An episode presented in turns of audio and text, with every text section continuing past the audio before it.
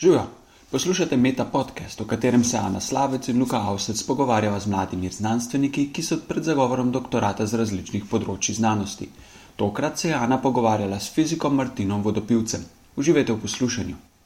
Pozdravljeni poslušalci Meta podcasta. Nahajam se na morski biološki postaji v Piranu in z mano je mladi raziskovalec Martin Vodopevec, univerzitetni diplomirani fizik in doktorski študent varstva okolja. Martin, pozdravljen. Ja, pozdrav. Martin, kako to, da si se po študiju fizike odločil za področje varstva okolja? Kaj te je pripeljalo sem na inštitut? To je bil čist splet na ključi. Jaz sem v bistvu po diplomi sem imel srečo, da je Arso iskal nekoga, se pravi Agencija za okolje, iskala nekoga, ki bi na projektu skupaj z morsko biološko postajo delal na postavitvi novih prognostičnih modelov morja, se pravi cirkulacije, predvsem temperature, slanosti in naprej. In sem nekaj let se s tem ukvarjal in ob, tudi občasno hodil na morsko biološko postajo zaradi tega. To je šlo pod vodstvom profesora uh, Vlada Malečiča. In potem sem se izkazalo leta 2013, mislim, da, da ima profesor Lenka Male, se pravi moja zdajšnja mentorca, odprto mesto za mladega raziskovalca in predvsem me je zanimalo modeliranje meduz. Jaz sem se pa z numeriko že prej ukvarjal, tako da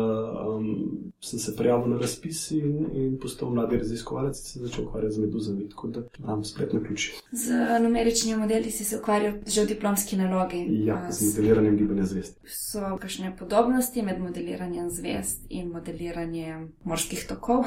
Ali je to? Čo, ja, mislil sem, da jih je več, ker sem se tega lotil, pa pa ugotoviš, da jih ni toliko, ampak po drugi strani še vedno ja, neka osnova. Ja, če ne drugače, oboje, vedno gre za programiranje, pa pa analizo rezultatov tega modela. Tako da, recimo, da urodja so podobna, če ne drugače, to programski jezik je isti v obeh primerih, oboje pisano v Fortranu, pa kakšne stvari v, v C. Tako da, saj domač sem bil že z programiranjem in z jezikom, v katerem se programira. Tako da, to je bilo, zdaj, seveda, problema sta pa malo različni. V doktorski nalogi se pa specifično ukvarjaš z meduzami.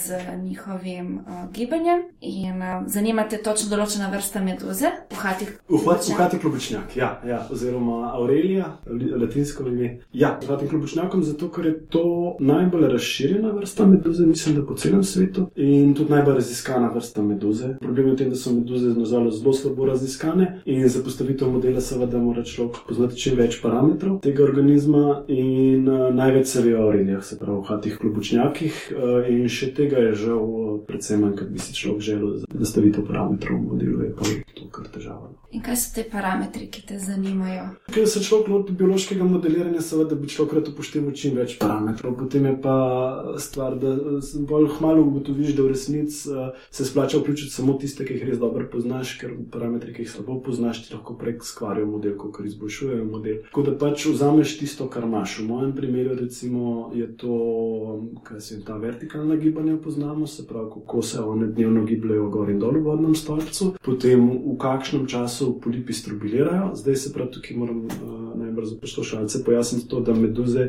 imajo več faz uh, v svojem razvoju. Se pravi, mi poznamo predvsem to prosto prevajočo fazo, ko so klobuki, ki plavajo naokrog, ampak vmes imajo tudi polipno fazo. Se pravi, obstajajo majhni pretorjeni polipi, ki v primeru hadga klobučnjaka enkrat letno v vodni stolpec sprostijo majhne mikromeduzice, zvane uh, efire, in te potem plavajo in počasi zrastejo v te klobuke, ki jih mi poznamo. In uh, mi vemo, recimo, da se zelo veliko število polipov nahaja v Luki Koper, se pravi, da tukaj domuje ena ogromna populacija. Uh, ocena je, da je to okrog 5 milijard polipov v Luki Koper, kar pomeni 50 milijard malih meduz letno, kar je ogromna številka. Še posebej, če vemo, da polipov niso v Jadranu nikoli najdeli v naravnem okolju. To se pravi, da sicer skoraj sigurno so, ampak verjetno je delež uh, vseh polipov v Jadranu na umetnih konstrukcijah, precej večji kot v naravnem okolju. Tako da en koporočitno, Luka koporočitno ogromno prispeva uh, v hatih klobučnjakov Jadran. In mi vemo, kdaj te polipi strobilirajo, se pravi, kdaj oddajajo efire. In to je zelo bistveno, seveda, za moj model, ker uh, ne, se pravi, v katerem času se začnejo meduze pojavljati v vodi in kam jih tokovi in vse naprej. Pol vse kaže, da so temperaturno občutljive, tako da jaz recimo v modelu omejim, če se voda pregreje nad določeno vrednost, potem uh, te meduze v mojem modelu pomrejo. To so parametri, ki jih zaenkrat upoštevam. Rad bi pa seveda čim več, še kakšnega, če se ne da, ampak eh, dokler nimam dovolj uh, znanih podatkov, jih raje ne vključujem. Kot kopalka poleti opažam, se mi zdi, da jih je vedno več, ali to drži?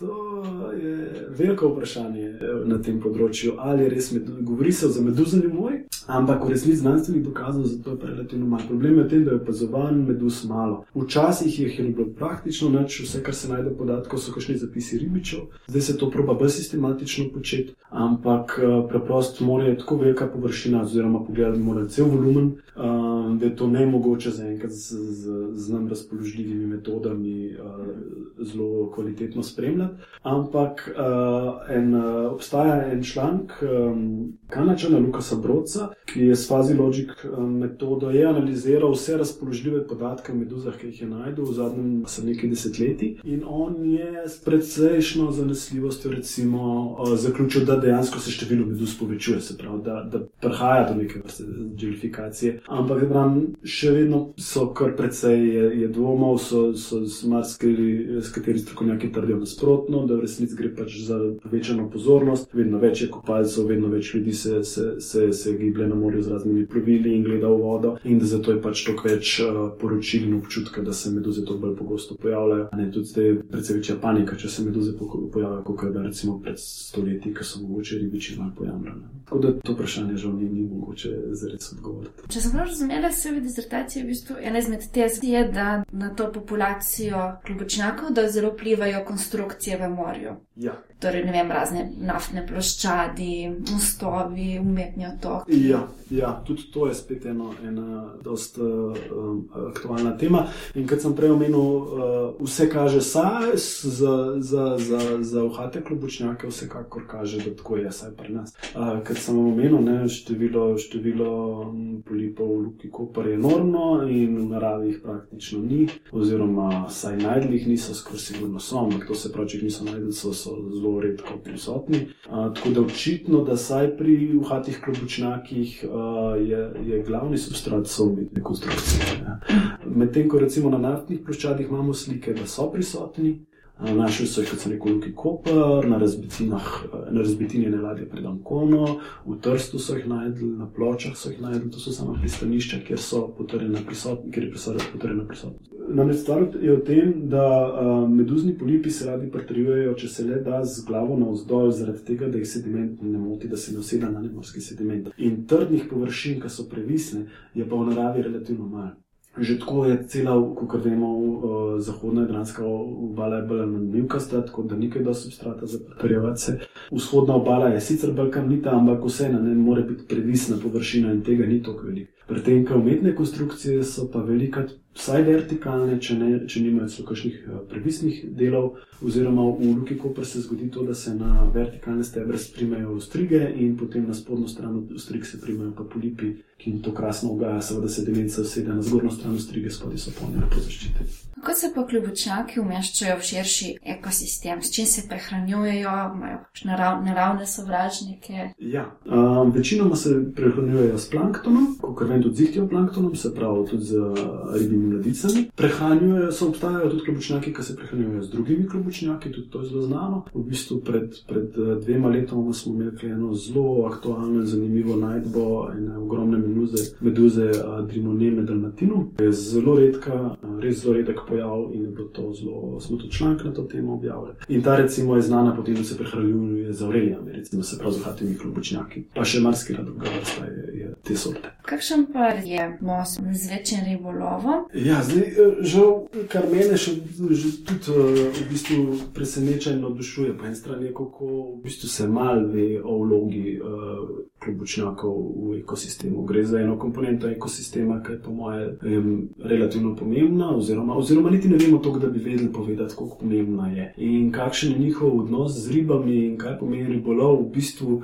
zgleda, da so v kompeticiji, se pravi, da se meduze hranijo z ribjimi mladicami, da se ribe hranijo z efirami, se pravi z malimi meduzami. In obstajajo hipoteze, da, da, da, je, da je možnost preklopa ekosistema iz ribjega v, v meduznega, se pravi, da če bi s pretiranim izlovom rib dali dovolj prostora meduzam, da se namnožijo, bojo te zavladale v morju in dokončno izrinile uh, ribe. Je pa to čist, uh, se pravi, žal ni dovolj znanih podatkov, da bi lahko o takih stvarih uh, govorili z neko večjo, večjo sigurnostjo. To so vse bolj ali manj ugibanja. Je pa pa je bil primer, uh, da se je to uh, v Libiji zgodilo pred časom, da so toki izlovili rib, da so meduze prevladale in da po tem, ko so nehali z ribolovom, ko so prenehali uh, ribe vleči van z morja, da se te niso mogle vrniti nazaj, ker so meduze pač zasedle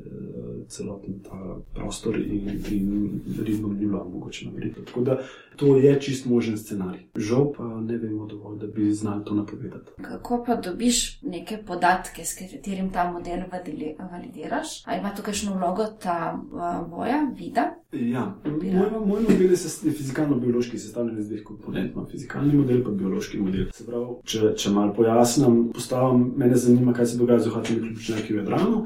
In za, prva stopnja je, da postavim cirkulacijski model Jadrana, se pravi model, ki, ki rešuje hidrodinamske enačbe, zato da do jaz dobim tokove in temperature in slanosti v Jadranu, v določeni mreži, čim bolj gosti, seveda.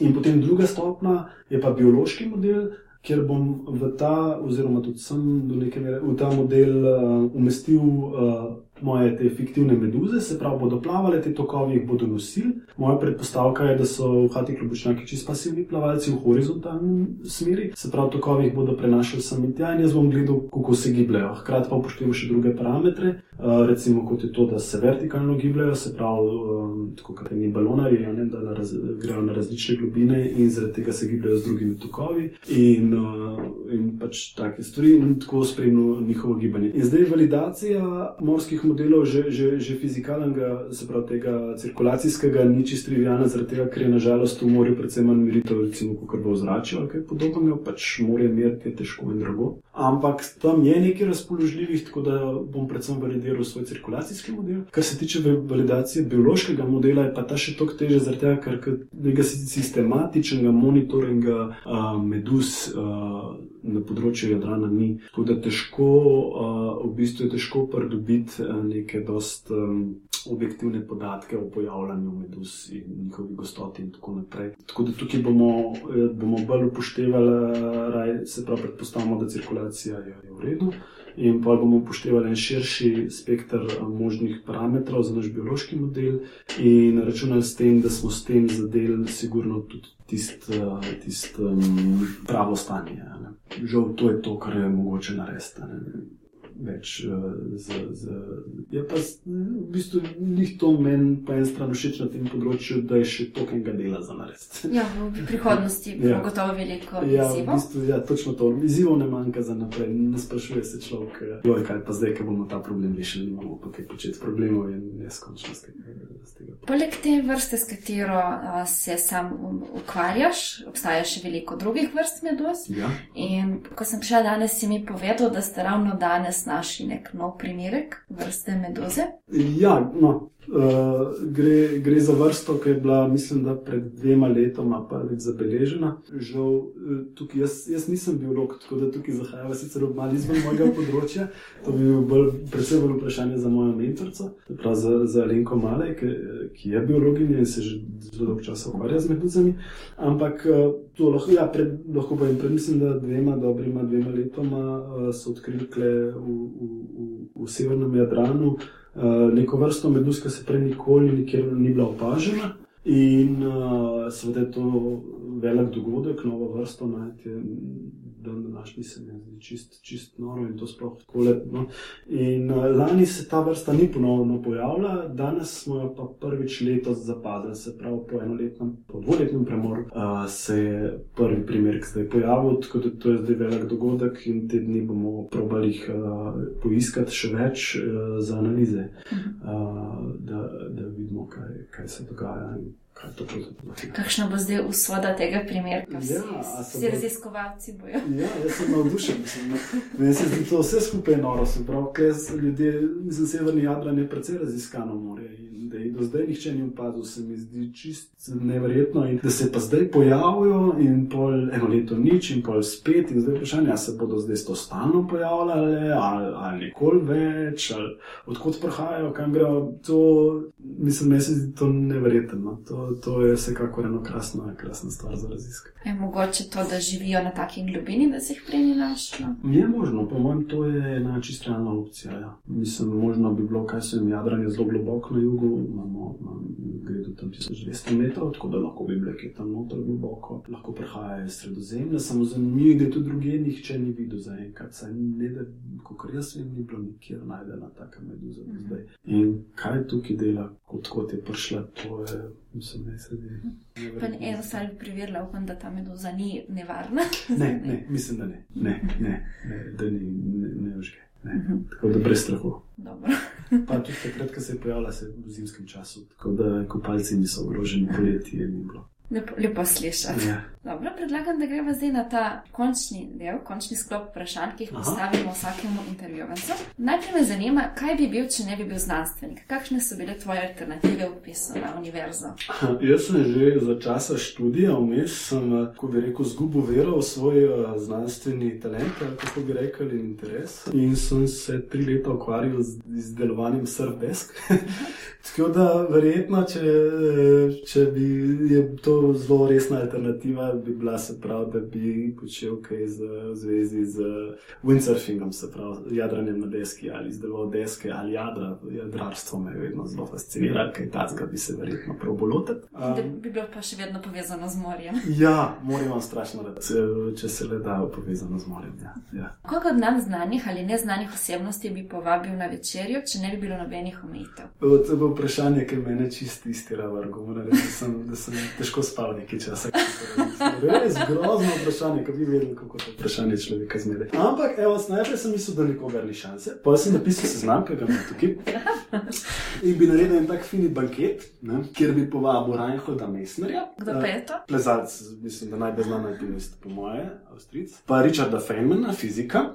Pol vsekakor kakšnega glasbenika, kle sem zelo kolebo, jih je bilo več kandidatov, ampak po mojem bi Leonard Cohen bil, bil fin za, za, za, za banket. On, a, ker ne samo, da mi je glasba všeč, ampak tudi teksti, tako da sigurno ima kaj zanimivega za povedati. Pa režiserja Andreja Tarkovskega, pa Vito Mila Zupana, sigurno, pa Kurta Foneguta. In pol manjka še kakšen športnik, glede na to, da sem ljubitelj windsurfanja, tako da tukaj bi bil pa Robert Tirito. To bi bil zdaj en tak velik banket enih ljudi, ki me vsi fascinirajo, vsi po vrsti. In uh, reci domišljam, da bi bila to ena super eh, zadeva, mi bi se tam krasen imeli, bi se pogovarjali. Ne, Vito Mil Zupan bi tudi poskrbel, da bi pa zadeva krenila v pravo smer naprej, s kakšno flašo in tako naprej. To bi bilo genialno, ampak uh, v resnici, če polka po nadaljnem premisleku, ne sem se, kot človek realno pomislil, ugotoviti, da verjetno bi bilo kar grozno. Jaz bi najbrž bil posem na tako tremo in ne bi znal treh besed povedati, kaj bi bili vsi ti ljudje okoli mene. Oni so pa tudi tako različnih vetrov skupaj zbrani, da vprašanje, če ne bi prišel do konflikta, ker bi se pa še zmlatili na koncu. Klej bi na Vito Mila Zupana spet stavil, ker bi boksal,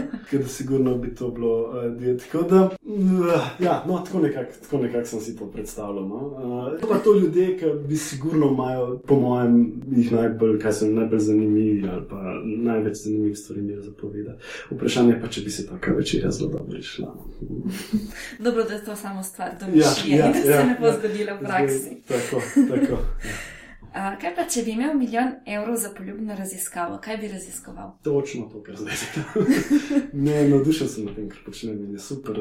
Zdaj z milijonom evrov bi pa bilo super, ker bi lahko s tem denarjem financiral precej več terenskega delanja raziskav, ki bi mi dal več parametrov za moj uh, model pa naprej. Recimo, super bi bilo, če bi imeli denar in šli pregledati po vseh jadranskih lukah, koliko je teh polipov in naredili kvantitativno oceno, koliko jih je. Pa bi moj model imel dosti večjo težo, ker bi jaz dosti lažje govoril o točnih številkah, mislim o nekih. Tako pa eh, precej težje operiram z nekimi vrednostmi, isto s temi vertikalnimi migracijami do neke meje, to sicer določeno, ampak spremljati eno skupino teh klobučnjakov in 24 ur, pa mogoče še daljše obdobje in res natančno beležiti, kako se gibljajo, bi bilo super. Skratka, terensko delo ni poceni in za me bi bila super stvar, če bi to lahko uh, financiral vse. Ja. Tako da milijon evrov prav pride. Jaz pa tudi to pozdravljam, sploh če bi bila rezultat ena aplikacija, na podlagi katere bi bili kopalci opozorjeni, da Ja, recimo, se je bolje izogniti. Ni čisto neizvedljivo. Ja, mogoče pa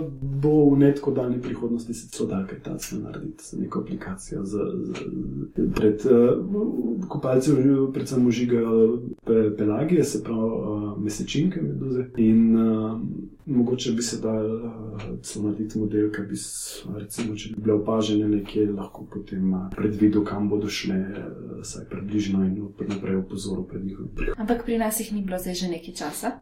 Ja, kot jaz vem, ne. Ampak spet tukaj zahajajo z mojega področja, jaz se z meduzami ukvarjam od leta 2013 dalje. Ampak, kot vem, mislim, da tam nekje 2004-2005 so bile na zadnje. Ne me pa rekle za besedo držati. Kaj boš počel čez pet let in kaj čez 40 let?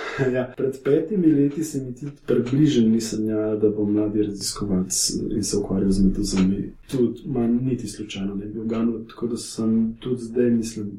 Ne vem, kaj bom počel čez 5 let in čez 40, kar bo soda prinesla, bo super in všeč mi je, tako da nimam plana za 40 let naprej. Imaš pa verjetno kakšno priporočilo za dobro knjigo, igro, film, spletno stran, podcast. Zdaj, dobra knjiga. Zelo sem bil v zadnjem času navdušen uh, nad Vitominom Zupanom, kot se vidi, tako da njegov menuet za kitaro na 25 strelov se mi zdi vrhunska stvar, ki- bi jo res priporočil branje. Druga, recimo, kot fizik bi bil pa Surely You Are Joking, Mr. Feynman, mogoče obstaja tudi slovenski prevod in en pogled v, v, v razmišljanje enega največjih fizikov. Uh, Po mojem, vseh časov, tako da tisti je tudi uh, oboje dve zelo priporočam. A, kako imamo pol knjigo? Uh, ja, igra, film. Igra. Uh, imam dva mehna otroka, tako da gledam samo bolj ljudske predstave zadnje leta, tako da zverjašček je bil super. Kaj pa filmi? Uh, filmi sem pa prejšnji teden gledal Mladost, ker mi je bil super film, drugače pa a, nasplošno, pa Solaris od Tarkovskega je stvar, ki bi vsakomu priporočil, da jo vidi. Spletna stran, podcast. Ha, tukaj ste me pa dobili.